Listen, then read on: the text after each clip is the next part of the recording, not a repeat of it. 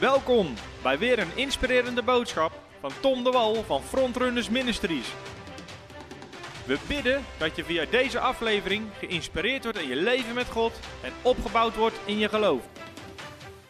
Oké, nogmaals van harte welkom. En het thema van deze Voice of Faith is de kracht van woorden. Hoe zit dat precies? En ik ga een inleiding doen in dit onderwerp. En ik heb heel veel zin in dit onderwerp, want mijn nieuwe boek, Woorden van Geloof, hier staat hij al, is uitgekomen afgelopen zondag. Vanaf afgelopen zondag is deze te bestellen samen met dit kleine boekje Schild van Geloof. Heel dun boekje, wat je zo uitleest. Maar gaat over. Soms hoor je wel eens dat mensen een genezing of een bevrijding weer verliezen. Dat iemand genezen is en de ziekte komt weer terug. Iemand is bevrijd en de demonen komen weer terug. Dat is zo'n zonde, want dat is niet nodig. Daarvoor heb ik dit boekje geschreven om mensen te helpen. Daar staan de antwoorden in op die vragen. Hoe ze dat kunnen voorkomen. En de ondertitel van het boekje is Verlies je wonder niet. Dus deze staan gratis in onze webshop sinds afgelopen zondag.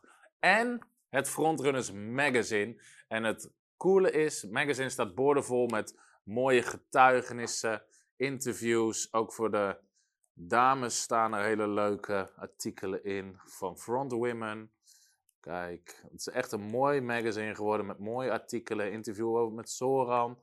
Um, gewoon boordevol interviews en getuigenissen. En dit hele pakket, dus dit boek, de twee boeken en het magazine, kan je nu gewoon als cadeaupakket gratis bestellen in onze webshop. Omdat we jou gewoon willen zegenen en hiermee willen toerusten. Dus als je dit nog niet hebt gedaan, ga gewoon naar de webshop op www.frontrunnersministries.nl.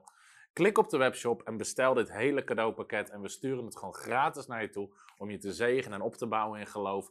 En ik wil je natuurlijk van harte aanmoedigen. Stuur dit naar medechristenen. Stuur dit via de app. Stuur gewoon de link van die webshop. Stuur dit in de app. Zeg tegen mensen: kijk eens wat voor geweldig gratis cadeaupakket met mooie boeken je kan bestellen. Deel het via Facebook. Deel het via Instagram. Help ons om zoveel mogelijk mensen te bereiken met het geweldige evangelie, met het woord van God. En help ons om ze te discipelen. Dus hoe makkelijk wil je het hebben? Je kan gewoon gratis boeken weggeven op onze kosten door mensen alleen even erop te attenderen. Mocht je partner zijn, krijg je de mooie hardcover krijg je automatisch thuisgestuurd. Dus ik denk dat een hoop mensen die dit kijken um, het al wel of besteld hebben um, of partner zijn en daarop thuis krijgen. Maar willen je gewoon even op attenderen, want ik ben in ieder geval heel blij met mijn nieuwe boek wat uit is, waar we een tijdje op hebben zitten wachten. Uh, maar hij is binnen en daarom ga ik er met Voice of Faith ook een serie over doen over de kracht van woorden. En daar ga ik ook mee beginnen. Dus we gaan het hebben over de kracht van woorden. Want daar gaat mijn boek Woorden van Geloof, daar gaat het boek over. Wat zijn woorden van geloof? Hoe spreek je dat? Maar voordat we daarop ingaan, mijn boek heeft ook een mooie opbouw. Um, Voordat we daarop ingaan, wil ik het eigenlijk eens hebben over het bredere thema. De kracht van woorden. Hoe zit dat nou precies? Hoe werkt dat nou precies? Waarom hebben onze woorden kracht? Want ik heb ontdekt dat als je spreekt over het thema de kracht van woorden, dat niet iedereen het pakt. Zelfs heel veel christenen pakken het niet. Als je zegt je woorden hebben kracht en je begint een beetje uit te leggen, wat je ermee bedoelt en wat de Bijbel erover zegt. Ik heb best wel veel sarcastische opmerkingen gehad van christenen. Die zeiden, kom op Tom, je gelooft toch, toch niet echt dat er een relatie zit tussen wat je zegt en wat je krijgt. Tussen wat je zegt en wat er gebeurt. Je gelooft toch niet echt dat je woorden kracht hebben. En er kwamen ook, komen ook best wel veel negatieve reacties op. En ook op een aantal labels. Ja, maar dat is word of fate, of dat is dit, of dat is dat. Um, maar ik wil gewoon eens kijken, wat onderwijst het woord van God? Wat onderwijst het woord van God ons hierover? En ik herinner me een keer op een voltijd bijbelschool waar ik les gaf over dit thema, de kracht van woorden. En te midden tijdens de les begon echt een meisje, begon daar huilend, riep ze door de klas, riep ze... Had ik dit maar eerder geweten, had me dat zoveel ellende in mijn leven gescheeld. En wat dat meisje niet doorhad, is dat ze letterlijk een Bijbeltekst op dat moment door de klas schreeuwde, namelijk Spreuken 21, vers 23. Daar staat dit, ik doe hem even hier uit mijn boek laten zien, maar geloof me, hij staat precies hetzelfde in de Bijbel. Spreuken 21, vers 23. Wie zijn tong in toom houdt, bespaart zich in zijn leven allerlei ellende. Wie zijn tong in toom houdt, bespaart zich in zijn leven allerlei ellende. Dus dat meisje dat uh, citeerde letterlijk een Bijbeltekst zonder dat ze het door had toen ze, ehm, toen ze hier onderwijs over kreeg. Nou, ik wil deze uitzending naar twee dingen kijken. Nummer één, waarom hebben onze woorden kracht? Hoe komt dat dan? Dat is het eerste waar ik wil kijken. Even helemaal terug naar de kern. En in mijn boek ga ik hier veel dieper op in. Ik ga gewoon wat hoofdlijnen en wat extra gedachten aan je meegeven in deze uitzendingen. En ik wil kijken, wat gebeurt er nou in de geestelijke wereld als we spreken?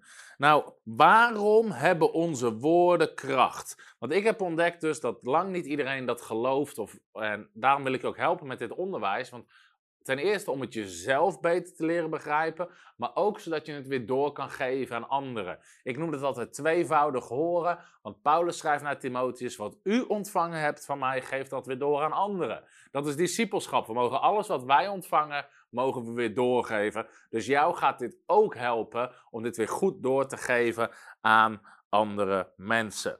Nou, waarom zit er kracht in de woorden die we spreken? Dan gaan we even helemaal terug naar het begin van de Bijbel. En als je aan het eind vragen hebt, zal ik daar ook op ingaan.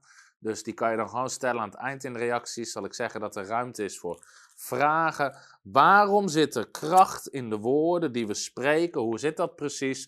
Dan gaan we even lezen helemaal naar Genesis hoofdstuk 1, vanaf vers 26 tot en met 28. Daar staat dit. En God zei: Laten wij mensen maken naar ons beeld en naar onze gelijkenis en laten zij heersen. Laat hen heerschappij hebben. Laat hen autoriteit hebben. Over de vissen van de zee, over de vogels in de lucht, over het vee, over heel de aarde. Over al de kruipende dieren die over de aarde kruipen. En God schiep de mens naar zijn beeld en naar het beeld van God schiep hij hem. Mannelijk en vrouwelijk schiep hij hen. En God zegende de mensen, zei tegen hem, wees vruchtbaar, word, talrijk, vervul de aarde en onderwerp haar en heers. Even tot zover. Hier zien we dus dat God maakt de mens. En even om helemaal terug te gaan meteen eigenlijk naar waarom zit er kracht in de woorden die wij spreken. En ik ga zo meteen nog wel in op welke kracht erin zit. Maar het hele eenvoudige, maar diepgaande antwoord is: er zit kracht in de woorden die wij spreken, omdat wij gemaakt zijn in het beeld en gelijkenis van God. Wij zijn gemaakt in het beeld en het gelijkenis van God. En God geeft de mens de opdracht om in autoriteit te heersen, te regeren over de aarde. Nou, als je zo'n tekst leest, zoals Genesis 1, wat gewoon een, een fundamentele tekst is, dan heel veel mensen hebben daar moeite mee, omdat er staat dat we gemaakt zijn in het beeld en gelijkenis van God. Dan zeggen mensen, ja, maar dat kan niet, dat is te groot. Maar ik ga je uitleggen wat God daarmee bedoelt en wat dat te maken heeft met de woorden die we spreken.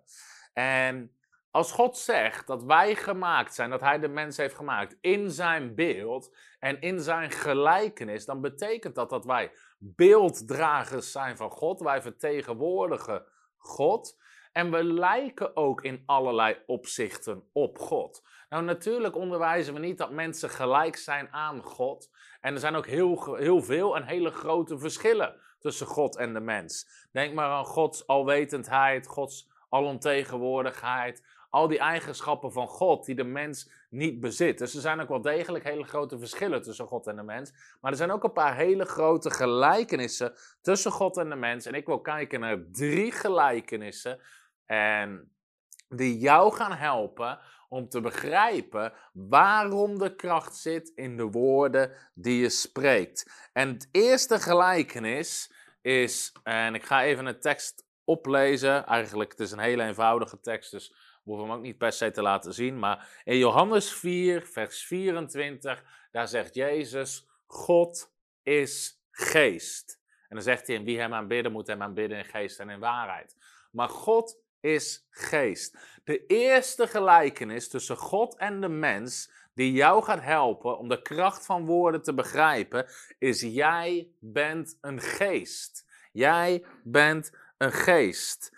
En ik heb ontdekt dat veel christenen moeite hebben om te geloven dat er kracht zit in hun woorden, omdat ze uitsluitend naar zichzelf kijken als een natuurlijk persoon en niet als een bovennatuurlijk persoon. Ze kijken uitsluitend naar hun menskant, maar de Bijbel leert ons dat ook jij bent een geest. Je bent een geestelijk persoon. Nou, in mijn boek Supermens ga ik daar heel diep op in over, op de wedergeboorte, wie we zijn in Christus, over geest, ziel en lichaam. Daar ga ik allemaal diep op in, dus dat ga ik nu niet allemaal herhalen. Maar ik wil je er wel even op wijzen dat in Genesis hoofdstuk 2, ehm, kijk, de Bijbel onderwijst ons dat we, we, bestaan uit een geest, een ziel en een lichaam. Dat staat onder andere in 1 Thessalonicense 5, vers 23. Maar we bestaan uit een geest, een ziel en een lichaam.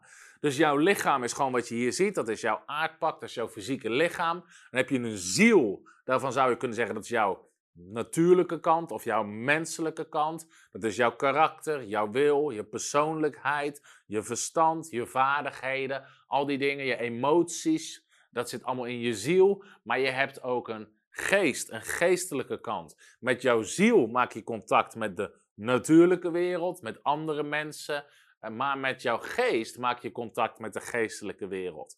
Nou, de woorden die wij spreken zijn niet alleen natuurlijk, maar zijn ook geestelijk. Jezus zegt in Johannes 6, vers uh, 63, daar zegt hij dit, en ik ga maar even laten zien in mijn boek. Daar zegt hij: De woorden die ik tot u spreek zijn geest en leven. De woorden die ik tot u spreek zijn geest en leven. Dus onze woorden en ook Jezus zijn woorden zijn niet slechts natuurlijke woorden. Dus Jezus zegt, de woorden die ik spreek zijn geest. Er zit geestelijke krachten in die ook jouw geest kunnen raken.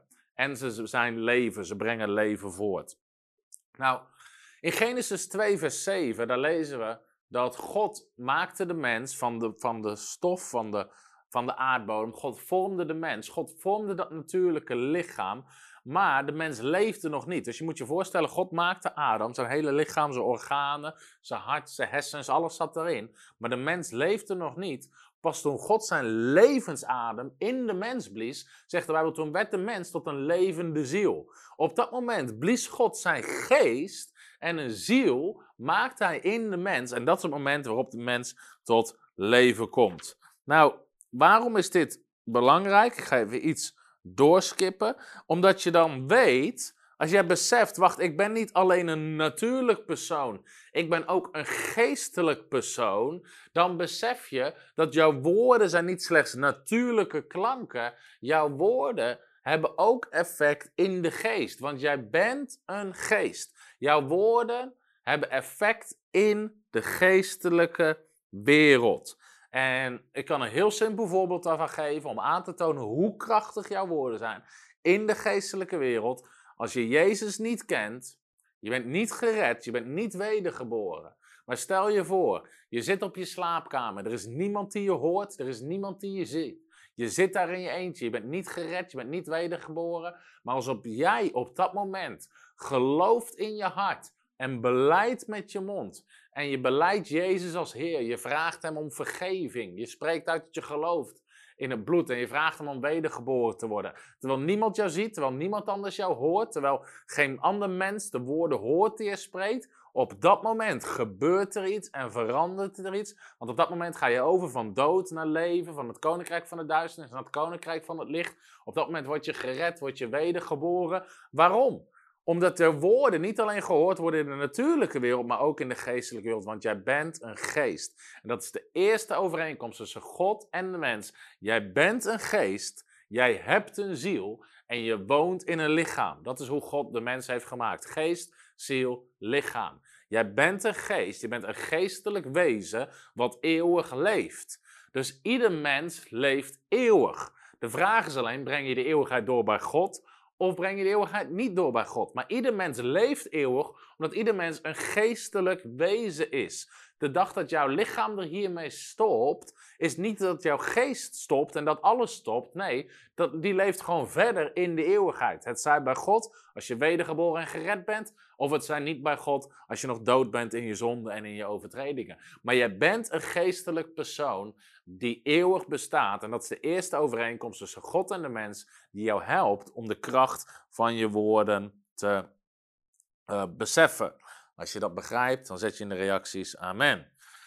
De tweede overeenkomst, en hier staan we vaak niet bij stil, is jij bent niet alleen een geest, maar jij bent een sprekende geest.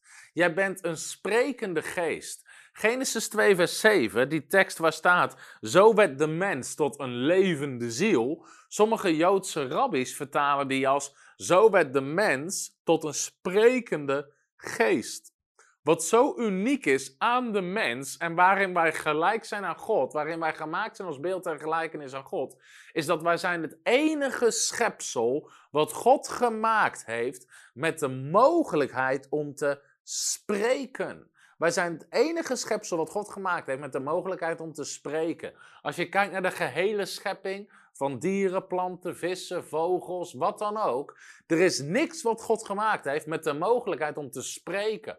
Sommige dieren kunnen klanken voortbrengen, ze kunnen met elkaar communiceren, maar er is geen ander schepsel wat kan spreken, wat vrije spraak heeft gekregen van God. En dat is een tweede overeenkomst. God is een sprekende geest, want God is geest en hij spreekt. Maar ook wij zijn een sprekende geest. We hebben alleen een aardpak erbij gekregen. We zitten in een lichaam hier op aarde. Maar ook jij bent een sprekende geest. God heeft jou gemaakt als een sprekende geest. En je kan in de reacties zetten: Ik ben een sprekende geest. Ik ben een sprekende geest. En wat is de derde overeenkomst tussen God en de mens? En ik zie inderdaad, komt nu onder in beeld. Als je gebed nodig hebt, dan kan je ook bellen naar onze gebedslijnen. Onze ministerteam zit er klaar om voor jou te bidden. Als je gered wil worden, als je vervuld wil worden met de Heilige Geest, als je genezing of bevrijding nodig hebt, onze ministerteam zit er klaar om met je te bidden. Wat is de derde overeenkomst tussen God en de mens? Dus de eerste is, jij bent een geest. Nummer twee is, jij bent een sprekende geest. Maar nummer drie is, jij bent een sprekende geest met de opdracht van God om te regeren, om te heersen. De tekst die we lazen in Genesis hoofdstuk 1, laten we hem nog even een keer in beeld brengen. Daar staat: God maakte de mens in zijn beeld en in zijn gelijkenis. En het eerste wat God zei is: laten zij heersen. Laat hen heerschappij hebben over heel de aarde. Dus God maakte de mens als een sprekende geest met de opdracht om te regeren. Jij hebt autoriteit gekregen van God. Jij bent gemaakt als een geestelijk wezen, als een sprekend wezen en als een wezen met autoriteit. Dat is wat God jou gegeven heeft. Dus je kan zeggen: Ik ben een sprekende geest met autoriteit. Ik heb autoriteit gekregen. Laten zij heersen. Dat is wat God zei tegen de mens. Nou, wat is belangrijk om dit te zien? En dit, dit beschrijf ik ook aan het begin van mijn boek. En dit is echt, hier word je enthousiast van. Als je kijkt, wij zijn gemaakt in een beeld en gelijkenis van God. Je bent een geest, je bent een sprekende geest, je bent een sprekende geest met autoriteit. Als we kijken, hoe gebruikt God zijn woorden? In Efeze 5, vers 1, ik twijfel nu ik hem hardop zeg of dat inderdaad de juiste tekst is, dus ik ga hem even voor je controleren. Maar in Efeze 5, daar zegt Paulus: Wees dan navolgers van God als zijn geliefde kinderen. Wees navolgers van God als zijn geliefde kinderen. Even kijken waar de Efezebrief heen is. Gisteren stond hij nog in mijn Bijbel. Galaten, Efeze, daar is hij. Efeze 5, vers 1 is daar in mijn hoofd, maar ja. Efeze 5, vers 1, daar staat: Wees dan navolgers van God als zijn geliefde kinderen. Dat woord navolgers in het Grieks is waar wij ons woord memespelen vandaan hebben. Een memespeler doet iemand zo nauwkeurig mogelijk na. En in het Engels staan zegt: Be there for imitators of God. Wees imitators, doe God na. Waarom? Je bent gemaakt in het beeld en gelijkenis van God. En als je dan kijkt hoe God zijn woorden gebruikt in Genesis hoofdstuk 1, en ik kan het, kan het hier wel even laten zien in mijn Bijbel, dan zie je telkens dit: dat Genesis 1 zegt dat de aarde was woest en leeg, er lag duisternis over de aarde, maar dan staat er telkens dit. God zei, even kijken hoor, God zei en het was zo. staat er dan telkens. God zei en het was zo. God zei en het was zo. Heel Genesis 1 staat vol met God zei en het was. God zei en het was. God zei en het was. God begon te creëren door te spreken. Nou, dit is iets waarvan ik hoop dat je het pakt. En ik heb dit dus ook in het begin van mijn boek gezet. God gebruikt zijn woorden niet alleen om te communiceren. God gebruikt zijn woorden om te creëren en te regeren. Kijk, ik heb hem hier als quote eruit gelicht, dus dat helpt je misschien om het te onthouden. God gebruikt zijn woorden niet alleen om te communiceren. God gebruikt zijn woorden om te creëren en te regeren. Sterker nog, God gebruikt in eerste instantie zijn woorden om te creëren en te regeren. Als wij het hebben over onze woorden en spreken, denken we in eerste instantie vaak aan communiceren, iets overbrengen. Maar we zien in de Bijbel dat God gebruikt zijn woorden in eerste instantie niet om iets te communiceren. God gebruikt zijn woorden om iets te, om te regeren, om iets te veroorzaken, om iets gedaan te krijgen en om te creëren. En wij zijn gemaakt in het beeld en gelijkenis van God. Dus ja, woorden zijn bedoeld om te communiceren, maar woorden zijn ook bedoeld om te creëren en om te regeren. Dus er zit autoriteit in de woorden die we spreken. Waarom? De mens is het enige schepsel wat God heeft gemaakt met de mogelijkheid om te spreken, omdat de mens ook het enige schepsel is met de opdracht om te regeren. God zei tegen de mens: regeer over heel de aarde. Regeer over al het andere wat ik heb gemaakt. Waarom is de mens het enige schepsel met de mogelijkheid om te spreken? Omdat we de enige zijn met de opdracht om te regeren. Nou, dat is iets wat we moeten begrijpen. Wat we ook moeten begrijpen is, ik zeg ook in mijn boek, van, weet je, mensen gaan hier altijd mee aan de haal. En dat is vaak het gevaar van dit soort dingen. Dat mensen die overdrijven. Die zeggen, ja, dus jij zegt dat je kan spreken met de woorden. Uh, dat je kan creëren met je woorden. Ja, er zit autoriteit in onze woorden. Er zit scheppingskracht in onze woorden. Maar ik zei ook al, de mens is niet volledig gelijk aan God. God heeft de mens gedelegeerde autoriteit gegeven. De mens heeft niet de mogelijkheid om vanuit niets iets te scheppen. Dat is niet de autoriteit die God aan de mens heeft gegeven. Maar we zijn wel gemaakt in het beeld en gelijkenis van God, waardoor onze woorden scheppingskracht hebben en waardoor onze woorden autoriteit bevatten. Dus dat is even het eerste wat belangrijk is om te beseffen. En dan wil ik zo doorgaan naar het tweede. Maar even samenvattend. Waarom hebben soms mensen moeite om te geloven dat er kracht zit in onze woorden? Waarom begrijpen ze dat niet? Omdat ze zichzelf uitsluitend zien als een natuurlijk persoon. En ze denken uitsluitend aan de natuurlijke wereld. Maar de waarheid is, jij bent een geestelijk persoon. Je bent gemaakt in het beeld en gelijkenis van God. Dus je bent een geest, je bent een sprekende geest en je bent een sprekende geest met de opdracht en autoriteit om te regeren. En als we kijken naar God, dan zien we dat God gebruikt zijn woorden niet alleen om te communiceren, God gebruikt zijn woorden ook om te regeren en om te creëren. En wij moeten God navolgen. En dat betekent ook in de manier waarop we onze woorden gebruiken. Dus dat is even deel 1 van het onderwijs wat ik neer wilde zetten. Het tweede deel wat ik neer wil zetten in deze uitzending van Voice of Fate. In mijn boek ga ik natuurlijk veel dieper in op al deze dingen. Ik, ik raak wat hoofdlijnen aan. Ik wil je inspireren. Ik wil iets bij je losmaken. Is het volgende. Wat gebeurt er dan in de geestelijke wereld als we spreken? We hebben nu dus gezien, we zijn een geestelijk persoon. De woorden die we spreken raken ook de geestelijke wereld. Als we dat beseffen, dan helpt dat ook om te beseffen de kracht van woorden.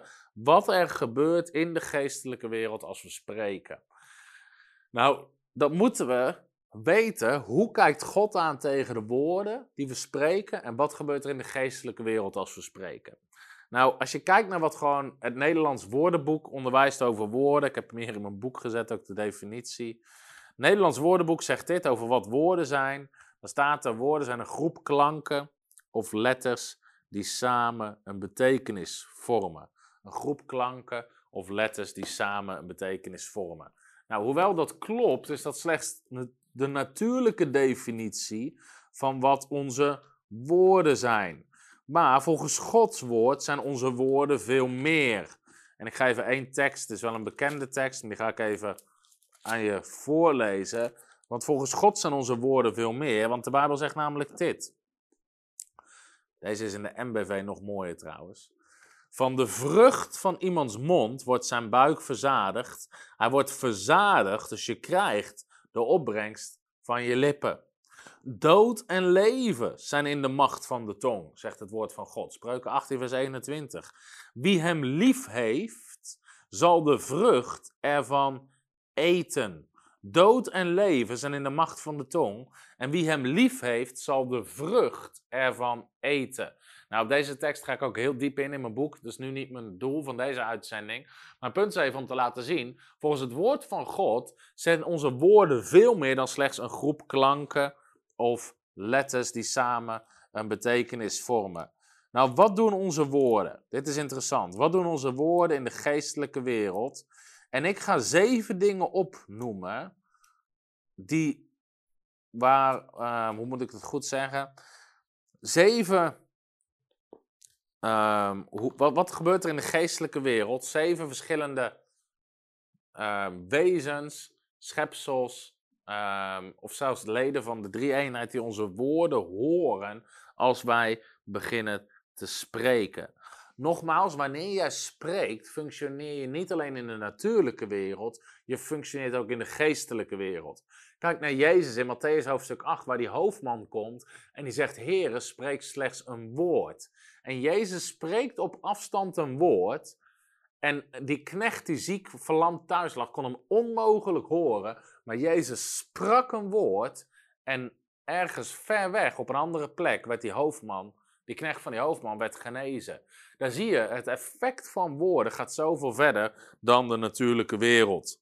Nou, ten eerste is het God die ieder woord wat wij spreken hoort en sterker nog, werkt met de woorden die wij spreken. Een hele interessante tekst hierover, die je bijna nooit hoort, is Prediker. Prediker, hoofdstuk 5. Even kijken of ik hem snel gevonden krijg. Prediker hoofdstuk 5. Daar zien we dat God hoort de woorden die we spreken. Daar staat dit. Wees niet te snel met uw mond en laat uw hart zich niet haasten een woord te uiten voor het aangezicht van God. Want God is in de hemel en u bent op aarde. Laat daarom uw woorden weinig in aantal zijn. Want zoals de droom komt door veel bezigheid, zo is ook het gepraat van een dwaas door veelheid van woorden. Wanneer u aan God een gelofte doet, stel dan niet uit die na te komen, want hij heeft geen welgevallen aan dwazen. Kom na wat u belooft. Het is beter dat u niet belooft dan dat u belooft maar niet nakomt. Sta uw mond niet toe, uw vlees te doen zondigen. Zeg ook niet in de tegenwoordigheid van de engel, dat was een vergissing. Waarom zou God zeer toornig worden om wat u zegt en het werk van uw handen te gronden richten? Want zoals er in veelheid aan dromen veel vluchtigs is, zo is het ook met veelheid van woorden. Daarom vrees God. Heb ontzag voor God. De conclusie telkens van prediker is vrees God, maar ook in de woorden die we spreken. Dus hier lezen we dat prediker zegt, wees niet te snel met het spreken van woorden, want ze komen voor het aangezicht van God. God hoort wat jij zegt. Nou, God hoort niet alleen wat jij zegt, God gaat ook aan de gang met wat jij zegt. God luistert naar wat jij zegt en God werkt met wat jij zegt. En daarom ga ik ook in mijn boek in, omdat veel mensen hebben een raar beeld, en ik heb dat vaak gezegd en ik blijf dat zeggen, van de soevereiniteit van God. Mensen denken van de soevereiniteit van God, God doet wat hij wil, God houdt verder met niks of niemand rekening. Als iets gebeurt is het de wil van God, is het niet gebeurd was het niet de wil van God, en uiteindelijk alles wat er gebeurt is ergens maar de wil van God. Maar dat is niet wat de soevereiniteit van God is. God is soeverein, maar God heeft ervoor gekozen in zijn soevereiniteit om de autoriteit met ons te delen. En om ons ook verantwoordelijk te maken. En om ons keuzevrijheid te geven. En om kracht te verbinden aan de woorden van onze mond. Hij heeft zaaien en oogsten ingesteld. Dat zijn allemaal dingen die God heeft ingesteld. Waar hij in zijn soevereiniteit niet tegen ingaat. En een van die principes is dat God werkt met de woorden uit onze mond. En ik heb die tekst op de voorkant van mijn boek gezet. als ze het beloofde land ingaan, God zegt: Ik heb je dat beloofde land gegeven. Maar dan zeggen de tien verspieders en het volk zegt: Ja, maar de reuzen zijn te sterk, de steden zijn te sterk, we kunnen het land niet innemen. Terwijl het Gods plan was dat ze het wel innamen, dat ze er wel binnen gingen. En dan reageert God op wat ze zeggen in nummer 14, vers 28. En dan staat er: Zo waar ik leef, spreekt de Heer, ik zal zeker met jullie doen wat ik je heb horen zeggen. Ik zal met jullie doen wat ik je heb horen zeggen. Dus hier zien we heel duidelijk: God hoort niet alleen de woorden uit onze mond. God luistert naar de woorden uit onze mond. En God werkt met de woorden uit onze mond. Dus het is horen, luisteren en werken. Dat is wat God doet met de woorden uit onze mond. Nou, als mensen dat dus gingen beseffen, gingen ze hele andere dingen spreken over hun leven. Dus iets kan wel de wil van God zijn, iets kan het plan van God zijn, iets kan de belofte van God zijn. Maar als jij niet spreekt in lijn met wat God zegt, krijg je niet wat God zegt, want God doet wat jij zegt. Dat is een hele mooie quote die iemand anders voor mij mag uittypen in de reacties. Of die Lambert eruit kan knippen voor een one-minute video. dus God luistert naar wat wij zeggen. Nummer twee, wie hoort er nog meer wat wij zeggen, is Jezus. Ook als kan je denken, ja, maar Jezus is nou niet meer fysiek hier op aarde. Het was de apostel Thomas die toen de discipelen zeiden, ja, Jezus is ons verschenen, dat hij zei, nou, ik geloof het niet. Pas als ik met zijn vingers hem aanraak en als ik het zie met mijn ogen, dan zal ik het geloven. Jezus was daar nergens in de buurt. Even later verschijnt Jezus. Hij keert zich als eerste naar Thomas en hij zegt, hier, hier zijn mijn handen, steek je vingers maar in de wonden. Jezus had alles gehoord wat hij zei, zonder dat hij erbij was. En de Bijbel noemt Jezus in Hebreeën hoofdstuk 3, vers 1. Ik ga deze even niet opzoeken, ik ga zo'n andere tekst opzoeken. Hier gaan we een andere keer nog wat dieper op in. De apostel en hoge priester van onze beleidenis. Jezus wordt genoemd de apostel en de hoge priester van onze beleidenis. Beleidenis betekent wat we zeggen, wat we beleiden met onze mond. Jezus is de apostel en de hoge priester van wat wij beleiden met onze mond. Wat betekent apostel? Een apostel betekent een gezondene. En een hoge priester nam wat de mensen hem gaven en bracht het als offer bij God. Jezus is gezonden als hoge priester om wat wij zeggen te brengen voor het aangezicht van God, zodat God daarmee kan werken in ons leven. Hij is de hoge priester van onze beleidenis. Hoe zitten we qua tijd? Uh, nou, deze doe ik wel even gewoon uit mijn boek laten zien. In plaats van uit de Bijbel, maakt niet uit. Hetzelfde tekst. Matthäus hoofdstuk 12. Dit is ook nog meer wat Jezus zegt over. Dit is ook een hele interessante tekst over woorden. Jezus zegt hier, Matthäus 12, vanaf vers 34. Andere gebroed, hoe kunt u goede dingen spreken terwijl u slecht bent? Want uit de overvloed van het hart spreekt de mond. Let op, Jezus heeft hier over woorden. En dan zegt hij: De goede mens brengt goede dingen voort uit de goede schat van het hart. En de slechte mens brengt slechte dingen voort. Jezus heeft het hier aan de ene kant zegt de goede. Uh, hoe kunt u goede dingen spreken? Maar vervolgens zegt hij in het vers daarna: de goede mens brengt goede dingen voort. Dus hij gaat van onze woorden naar dingen. En daarom zeg ik ook: woorden worden dingen. In het Hebreeuws is het woord voor woord en gebeurtenis is hetzelfde. Want er zit een relatie tussen wat je zegt en wat je krijgt. En Jezus onderwijst dat ook. Jouw woorden doen iets. Jouw woorden bewerken iets.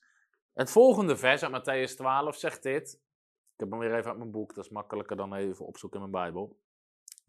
Ik zeg u dat de mensen van elk nutteloos woord dat zij zullen spreken, rekenschap af moeten leggen op de dag van oordeel. Nou, dit is een hele heftige tekst als we beseffen wat hier staat.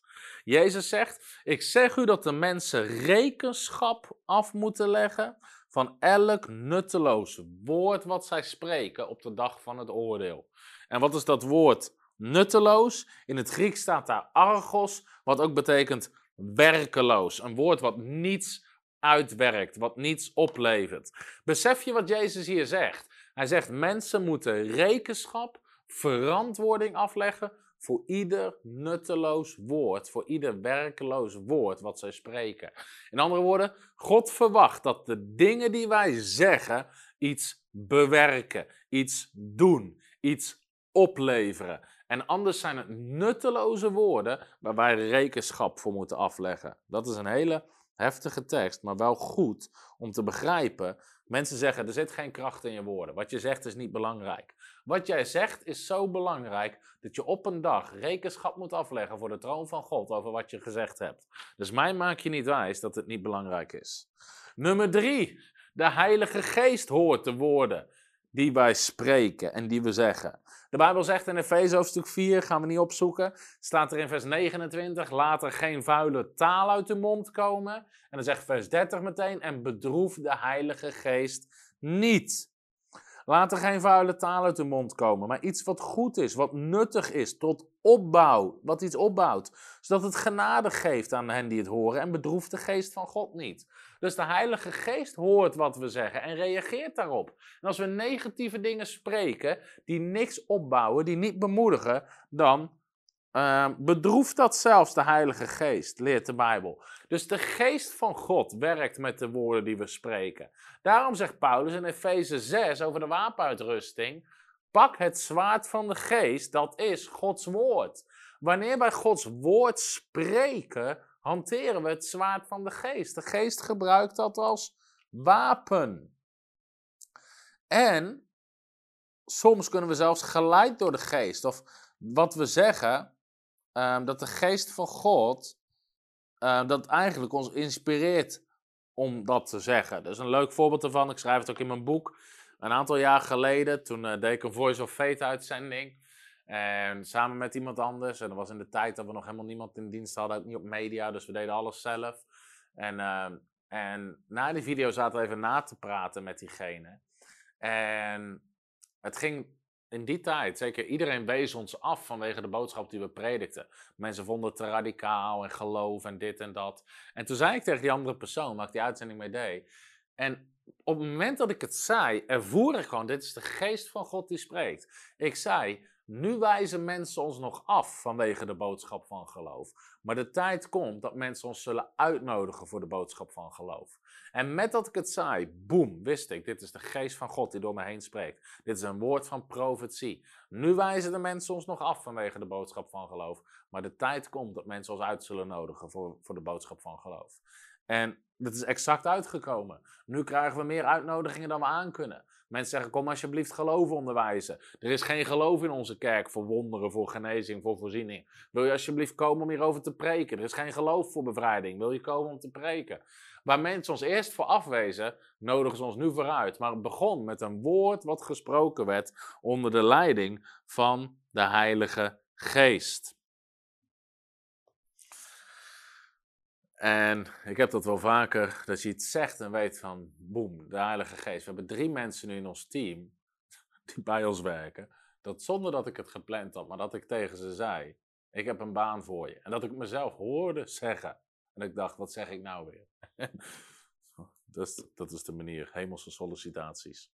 Maar goed, nummer vier, we hebben er dus drie gehad. God hoort het, Jezus hoort het en de Heilige Geest hoort het. En ze werken ermee, hebben we gezien. Nummer vier, engelen horen en werken met de woorden die we spreken.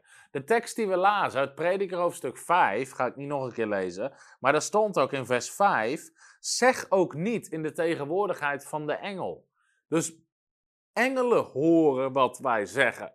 De Bijbel leert ons in Hebreeën 1 vers 14 dat engelen zijn dienende geesten uitgezonden om hun die de zaligheid beërven te dienen. Dat zijn wij. Wij beërven zaligheid, wij beërven redding. En God heeft engelen uitgezonden om ons te dienen. Maar wat veel mensen niet weten, is dat engelen luisteren naar de woorden die je spreekt. En als jij Gods woord spreekt, gaan ze daarmee aan het werk. De Bijbel leert dat in Psalm 103, vers 20. En in de MBG-vertaling zegt hij dat het meest krachtig. Daar staat namelijk dit. Loof de Heere, gij zijn engelen, gij krachtige helden, die zijn woord volvoert, luisterend naar de klank van zijn woord. Luisterend naar de klank van zijn woord. Wat staat hier? Engelen volvoeren, voeren het woord van God uit en ze luisteren naar de klank van Gods woord. Wanneer wij Gods woord spreken, zodra zij de klank van Gods woord herkennen, gaan ze ermee aan de slag. En ik heb hier ook nog een heel grappig. Weet je, die persoonlijke getuigenissen zijn gewoon leuk. Dit is een grappig uh, getuigenis. En uh, twee jaar terug hadden we een dienst met Soran. We hebben Zoran ook wel eens in Voice of Faith gehad. En in januari komt hij weer naar onze profetische conferentie. En Zoran wordt op een bijzondere manier gebruikt als profeet door God. En de eerste keer dat ik Zoran ontmoette, begon hij over mijn leven te profeteren in de samenkomst. En hij begon te profeteren. Onder andere, hij is, hij is een profeet die veel engelen ziet en allemaal dat soort dingen. Hij begon te profeteren. Ik zie dat God deze engel aan je leven heeft toegewezen. Het is een engel van voorspoed. En hij begint te profiteren wat die engel doet in ons leven. En was, was best wel bizarre profetie. Ik had er nog nooit van gehoord, ik had er nog nooit bij stilgestaan. Hij begon te profiteren. Zeg, joh, die engel van voorspoed zorgt voor voorziening. Dat alles wat je doet, dat er altijd geld komt. Hij maakt een weg waar geen weg is. En hij begint te profiteren over wat die engel is. En weet je, ik had nog nooit gehoord van een engel van voorspoed. In ieder geval, grappig is, een aantal maanden terug zat ik in mijn Bijbel te lezen. In één keer lees ik Genesis 24, vers 40. En toen viel mijn oog hierop dat. Uh, hier, Genesis 24, vers 40. Dit is grappig. Hij zei toen tegen mij: de Heere, voor wiens aangezicht ik gewandeld heb, zal zijn engel met u meesturen en hij zal uw weg voorspoedig maken. Dus hier lees je ook al van een engel van voorspoed. Ik had er nog nooit van gehoord totdat ik die profetie kreeg. En even later las ik in de Bijbel. In ieder geval, dit, was gewoon, dit is gewoon een grappig getuigenis. Soran geeft die profetie. Maar die dag was de iPad van mijn vrouw was kapot gevallen, op de grond gevallen, was kapot. Ze gebruikte hem altijd voor de worship. En we komen dus s'avonds thuis en ze zegt voor de grap min of meer tegen mij: joh, jij hebt toch een engel van voorspoed? Kan die geen nieuwe iPad regelen? Dus ik zei: ja, vast wel. Dus weet je, we begonnen gewoon Gods woord te spreken. Ik zei: Vader, weet je, u heeft deze profetie gegeven. We geloven u voorziet in alles wat we nodig hebben. U heeft die engel van voorspoed aan ons toegewezen. We hebben een nieuwe iPad nodig. We bidden ervoor. We spreken dat die komt in de naam van Jezus. U voorziet in alles wat we nodig hebben. Amen.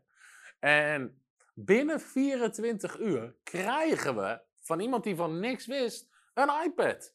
En dat was zo ontzettend grappig. Van de ene moment dat profetie tot het moment dat je erop gaat handelen. En binnen 24 uur kregen we een iPad en werd erop gereageerd.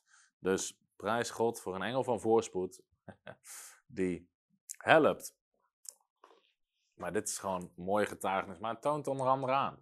Ik geef in mijn boek meer voorbeelden van hoe engelen luisteren naar wat we zeggen. Ik ga daar nu niet te diep op in. Nummer 5 wil ik ook niet te diep op ingaan. Maar de duivel en demonen horen wat we zeggen en werken daarmee. Weet je nog dat Spreuken 18, vers 7, 21 eh, zegt: Dood en leven. Dood en leven is in de macht van de tong.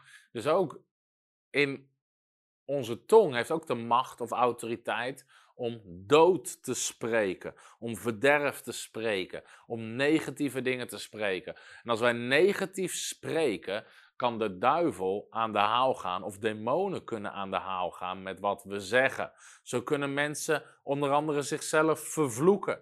Derek Prins beschrijft in een van zijn boeken over hoe zijn vrouw Rut uh, altijd last had van haar benen. Totdat de Heilige Geest openbaarde dat ze een vloek had uitgesproken over haar benen toen ze jong was. Toen herinnerde zich dat ze vond als tienermeisje haar benen niet mooi. En ze zei, die stomme, stomme benen van mij. En ze vervloekte de benen. En jaren later kreeg ze en bleef ze maar last houden van de benen. Totdat die vloek verbroken werd en ze werd boven natuurlijk, werd ze genezen. Weet je, er zit kracht in de woorden die je spreekt, maar ook de duivel en demonen. Soms hoor je christenen zeggen, weet je, weet je over corona. Het is gewoon wachten totdat je het krijgt. Ik zal het ook wel krijgen. Of het is weer griepseizoen. Of ik heb altijd dit. Of met mij. En ze hebben niet door dat ze ruimte geven aan de duivel. Daarom zegt Paulus: geef de duivel geen plaats in Efeze 4, vers 27. We kunnen de duivel plaats geven door de woorden die we spreken. Daarom zegt openbaring, openbaring 12, vers 11. Zij hebben hem, de duivel, overwonnen door het bloed van het lam en door het woord van hun getuigenis. Door het bloed van het lam en door het woord van hun getuigenissen. Ze hebben hun leven niet lief gehad tot in de dood. Dus, een van de manieren waarop je de duivel overwint, is door te spreken. Want hij hoort en reageert de woorden die we spreken. Toen de duivel kwam om Jezus te verzoeken, zei Jezus constant: Er staat geschreven, er staat geschreven, er staat geschreven. En hij gebruikte het woord van God tegen de duivel. En ook wij moeten dat doen. De Bijbel zegt: bied weerstand aan de duivel. Bied weerstand aan de duivel. Dus de duivel hoort de woorden die we spreken. Nummer 6. Natuurlijke omstandigheden horen en werken de woorden die we spreken. Nou, dit snappen heel veel christenen niet. Hoe kan, uh, hoe kan het nou dat zelfs de natuurlijke wereld reageert op de woorden die we spreken? Een voorbeeld: Jezus bestraft de vijgenboom en de vijgenboom verdort. Hoe kan dat nou? Hoe kan gewoon een natuurlijke boom reageren op woorden? Nou, de sleutel ervan, het waren woorden van geloof. Daar gaat dit boek ook over. Want Jezus zegt, als je geloof hebt in je hart en niet twijfelt, maar spreekt tegen de berg, dan zal gebeuren wat jij zegt onderwijst Jezus daar in Marcus hoofdstuk 11. Maar hoe kan het nou dat zelfs natuurlijke situaties, dingen, reageren op onze woorden? Nou, om dat te begrijpen, moeten we Hebreeën 11, vers 3 begrijpen. Daar staat het volgende. Hebreeën 11, vers 3.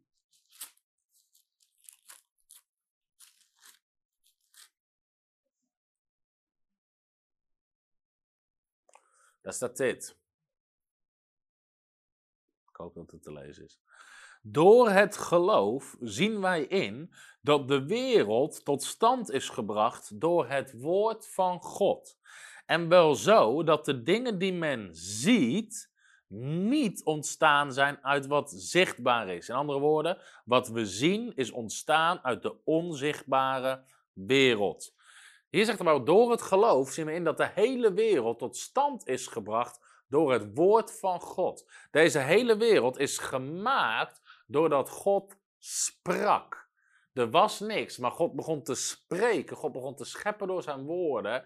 Dus alles is ontstaan door een woord. Alles is ontstaan door woorden en alles is ontstaan uit de geestelijke wereld. De geestelijke wereld is de bron heeft de herkomst, alles wat jij ziet, heeft uiteindelijk vindt zijn herkomst in de geestelijke wereld en vindt zelfs zijn herkomst in woorden die gesproken zijn door God. Ook al is het duizend jaar geleden bij de schepping van de aarde. De materialen die je vandaag ziet, zoals plastic, et cetera, zijn ergens ontstaan omdat God ooit sprak en de aarde schiep en daar grondstoffen in legde. Dus alles is ontstaan uit een woord en alles vindt zijn oorsprong in de geestelijke wereld. Daarom heeft alles ook oren. Daarom luistert ook alles, omdat um, alles wat je omheen, om je heen ziet, is ontstaan uit een woord. En alles heeft een geestelijke oorsprong en daarom heeft alles oren. Jezus sprak tegen de vijgenboom en de vijgenboom verdorde. En dat is wat geloof doet. Geloof voegt extra kracht van de Heilige Geest en autoriteit toe aan onze woorden. Daarom heet mijn boek Woorden van Geloof. Want je wil woorden van geloof spreken, want daar zit extra kracht en autoriteit in om te veroorzaken wat jij spreekt. Uh, maar Jezus sprak tegen de koorts. Jezus sprak tegen dove oren. Jezus sprak tegen het lichaam van Lazarus. Lazarus komt tot leven. Jezus sprak tegen de storm. Jezus sprak tegen allerlei dingen en situaties. En Jezus sprak woorden van geloof en het reageerde daarop. En Jezus onderwijst ons, want mensen zeggen ja, maar dat was Jezus. Ja, maar wat leert Johannes 14, vers 12 ons? Dus een kerntekst, als je maar enige tijd naar frontrenners hebt geluisterd, dan, die tekst komt denk ik ook in bijna ieder boek naar voren. Johannes 14, vers 12. Als je hem uit je hoofd weet, dan zet je hem in de reacties. Johannes 14, vers 12. Daar zegt Jezus dit. Voorwaar, voorwaar, ik zeg u, wie in mij gelooft, zal de werken, of de wonderen die ik doe, ook doen. En hij zal grotere doen dan deze, want ik ga heen naar mijn vader. Dus het is niet alleen de bedoeling dat Jezus sprak tegen de koorts en tegen de storm en tegen situaties en omstandigheden en ziektes en demonen.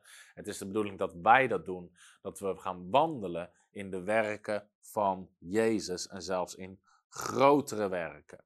En als laatste, en we zitten mooi op tijdschema, de mensen om ons heen horen en werken de woorden die we spreken.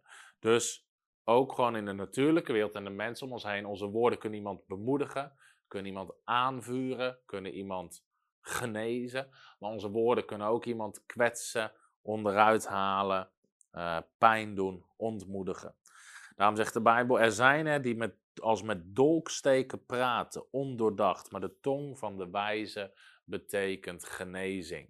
Dus onze woorden hebben ook effect op de mensen om ons heen. Alleen in mijn boek ga ik daar niet zo diep op in, omdat ik wil juist de andere kant van het onderwerp belichten. Over woorden van geloof, scheppingskracht, autoriteit, dat je krijgt wat je zegt. Die dingen pak ik aan in mijn nieuwe boek. Nogmaals, dit boek kan je gratis bestellen.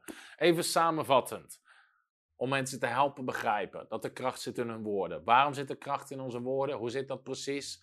Je bent gemaakt in beeld en gelijkenis van God. En er zijn drie belangrijke overeenkomsten tussen jou en God als het gaat om de kracht van woorden. Nummer één, je bent een geest die eeuwig leeft, die eeuwig bestaat.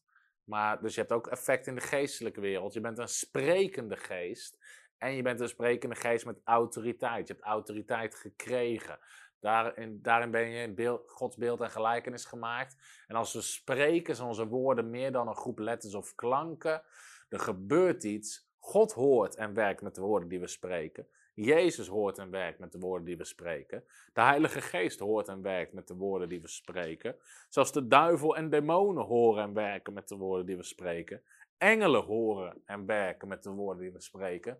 Natuurlijke omstandigheden horen en werken met de woorden die we spreken. En de mensen om ons heen horen en werken met de woorden die we spreken. Dus die zeven gebieden. Alles luistert naar wat wij zeggen en gaat ermee aan het werk. Onze woorden hebben zo'n gigantisch groot effect. Maar wat het meeste effect heeft, zijn woorden van geloof. Die geïnspireerd door de geest, waarvan de bron geloof is. Daarvan leert Jezus ons, die hebben de kracht om bergen te verplaatsen, een vijgenboom te verdorren, een storm te stillen. Dat zijn woorden van geloof. En hoe je die kan gebruiken, leer ik dus in mijn nieuwe boek, Woorden van Geloof, wat je gewoon gratis kan bestellen in onze webshop op www.frontrunnersministries.nl samen met het boekje Schild van Geloof en het magazine. Dus dit staat gewoon helemaal als cadeaupakket, nu gratis in onze webshop. En ik wil je echt aanmoedigen, stuur het ook gewoon door naar andere christenen om hen hiermee te zegenen en te bemoedigen. We hebben al ongeveer 2500, 2600 pakketten de deur uitgestuurd de afgelopen twee dagen. Je kan ze zelfs per doos bestellen om uit te nodigen, om uit te delen in je kerk of waar dan ook. We willen gewoon een zegen zijn voor dit land met het woord van God. Want ik geloof voor God, voor een opwekking in Nederland, voor een opleving in Nederland. Ik geloof dat christenen weer in een autoriteit gaan staan, gaan wandelen in geloof. Ik geloof dat het klaar is met slap en lauw christendom, christendom zonder overwinningen, zonder getuigenissen, zonder genezingen, zonder bevrijdingen. Ik ben klaar met verslagen christendom. Met christenen die moeilijk, zwak, misselijk, zwaar. Bij sommige mensen dat alleen een getuigenis getuigenis. Ze zitten altijd in het dal, hebben altijd ellende, moeilijkheden, zwaktes, pijn, dit, dat, zo, zo. Dat is niet de bedoeling. Jezus zei, komt op mij, alle die vermoeid en belast zijn. Niet om je vermoeid en belast te laten, maar om je leven te veranderen tot eer en glorie van God. Dat mensen gaan staan in hun identiteit, hun autoriteit, hun kracht, gaan wandelen in geloof. Zieken gaan genezen, demonen uit gaan drijven, gaan functioneren krachtig in het koninkrijk van God en hun licht laten schijnen op deze wereld. En ik geloof dat we een hele generatie van dat soort christenen in dit land gaan zien. En daar werken we met alles wat we hebben aan mee, door onze bijbelscholen om mensen dat te leren, door al onze gratis boeken, door onze video's. En als je dat gelooft, zeg je amen. Ik geloof dat ook. Dus als er mensen zijn die vragen hebben, stel ze in de reacties. En dan ga ik, uh, ga ik ze zo meteen uh, beantwoorden. Ehm, in de tussentijd, even een paar de- mededelingen. Als je zegt, hey, ik geloof in wat jullie doen, wat jullie willen bereiken in dit land, wil ik je gewoon van harte uitnodigen. Als je nog geen partner bent van Frontrunners, word partner van Frontrunners. We staan in geloof voor duizend nieuwe partners. We hebben letterlijk de honderdduizenden mensen die we bereiken met onze video's en met onze boeken. Ik geloof dat er duizend daarvan minimaal gaan reageren, die mee gaan helpen. We zijn bezig met een nieuw pand waar we ook een voltijdschool willen vestigen. Meer videostudio's, een groter opslagcentrum, distributie voor onze boeken, grotere conferenties kunnen houden. Dus als je daar aan mee wil bouwen, word partner van Frontrunners. En je krijgt dan ook de hardcover van Woorden van Geloof, krijg je gratis. Dus daar willen we je ook mee zegenen. Maar als je nog geen partner bent, bouw mee. En als je partner bent, vanaf 25 euro of meer per maand, kan je ook onze Bijbelschool volgen, waarin we jou willen trainen om die sterke christen te zijn, die wandelt in geloof, overwinning behaalt. Op www.bijbelschool.tv. Dus als je dat nog niet doet, volg daar ook onze Bijbelschool. En misschien als je partner bent en enthousiast bent, kan je ook je partnerschap verhogen via onze website op www.frontrunnersministries.nl. Dan klik op partner worden en dan kan je daar ook partnerschap verhogen. Even kijken of er zo meteen nog vragen zijn. Ehm, anders, als jij een ZZP'er bent, je hebt een eenmanszaak, je hebt een klein bedrijf, wil ik je van harte uitnodigen voor deze seminar op donderdag 2 december. Dat is een donderdag toch? Denk ik. Volgens mij wel, donderdag 2 december. Uh, van ZZP naar personeel, om even genoemd. Maar het gaat over groei en vermenigvuldigen in je bedrijf. Dus als je nu uh, ZZP'er bent of een klein bedrijf hebt, je gewoon van harte uitnodigen voor deze gratis seminar. Um, omdat ik geloof ook dat Gods plan is dat mensen uitbreiden, groeien. God zei, het is niet goed dat de mens alleen is. God spreekt, Gods woord spreekt heel veel over dingen samen doen, in teams doen. Dus als jij wil leren hoe je daarin kan groeien bij deze gratis business seminar, je kan je aanmelden via de link die in onze Instagram uh, biografie staat. Um, of via onze Eventbrite pagina. Maar daar kan je voor aanmelden. Hebben we nog meer mededelingen? Oh ja, als je ondernemer bent, sowieso vanaf januari 2022 staat de Kingdom Business School. We hebben al meer dan 150 ondernemers getraind in onze school. Ook gewoon om te ondernemen met de principes van God, met de wijsheid van God, met de gunst van God.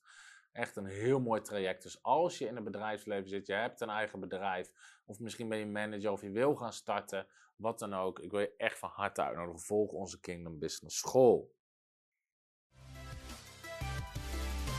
Hallo, Tom de Wol hier en bedankt dat je weer geluisterd hebt naar onze podcast. Ik bid dat het je geloof gebouwd heeft en je bemoedigd bent.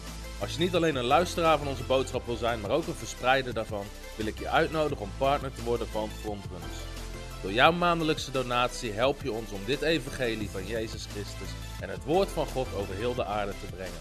Om partner te worden, ga naar www.frontrunnersministries.nl slash partners en word partner. Hartelijk bedankt en tot snel. Heb je ook zo genoten van deze inspirerende boodschap van Tom de Wal? Abonneer je dan op deze podcast. Volg ons op Facebook en op Instagram en kijk op onze website frontrunnersministries.nl.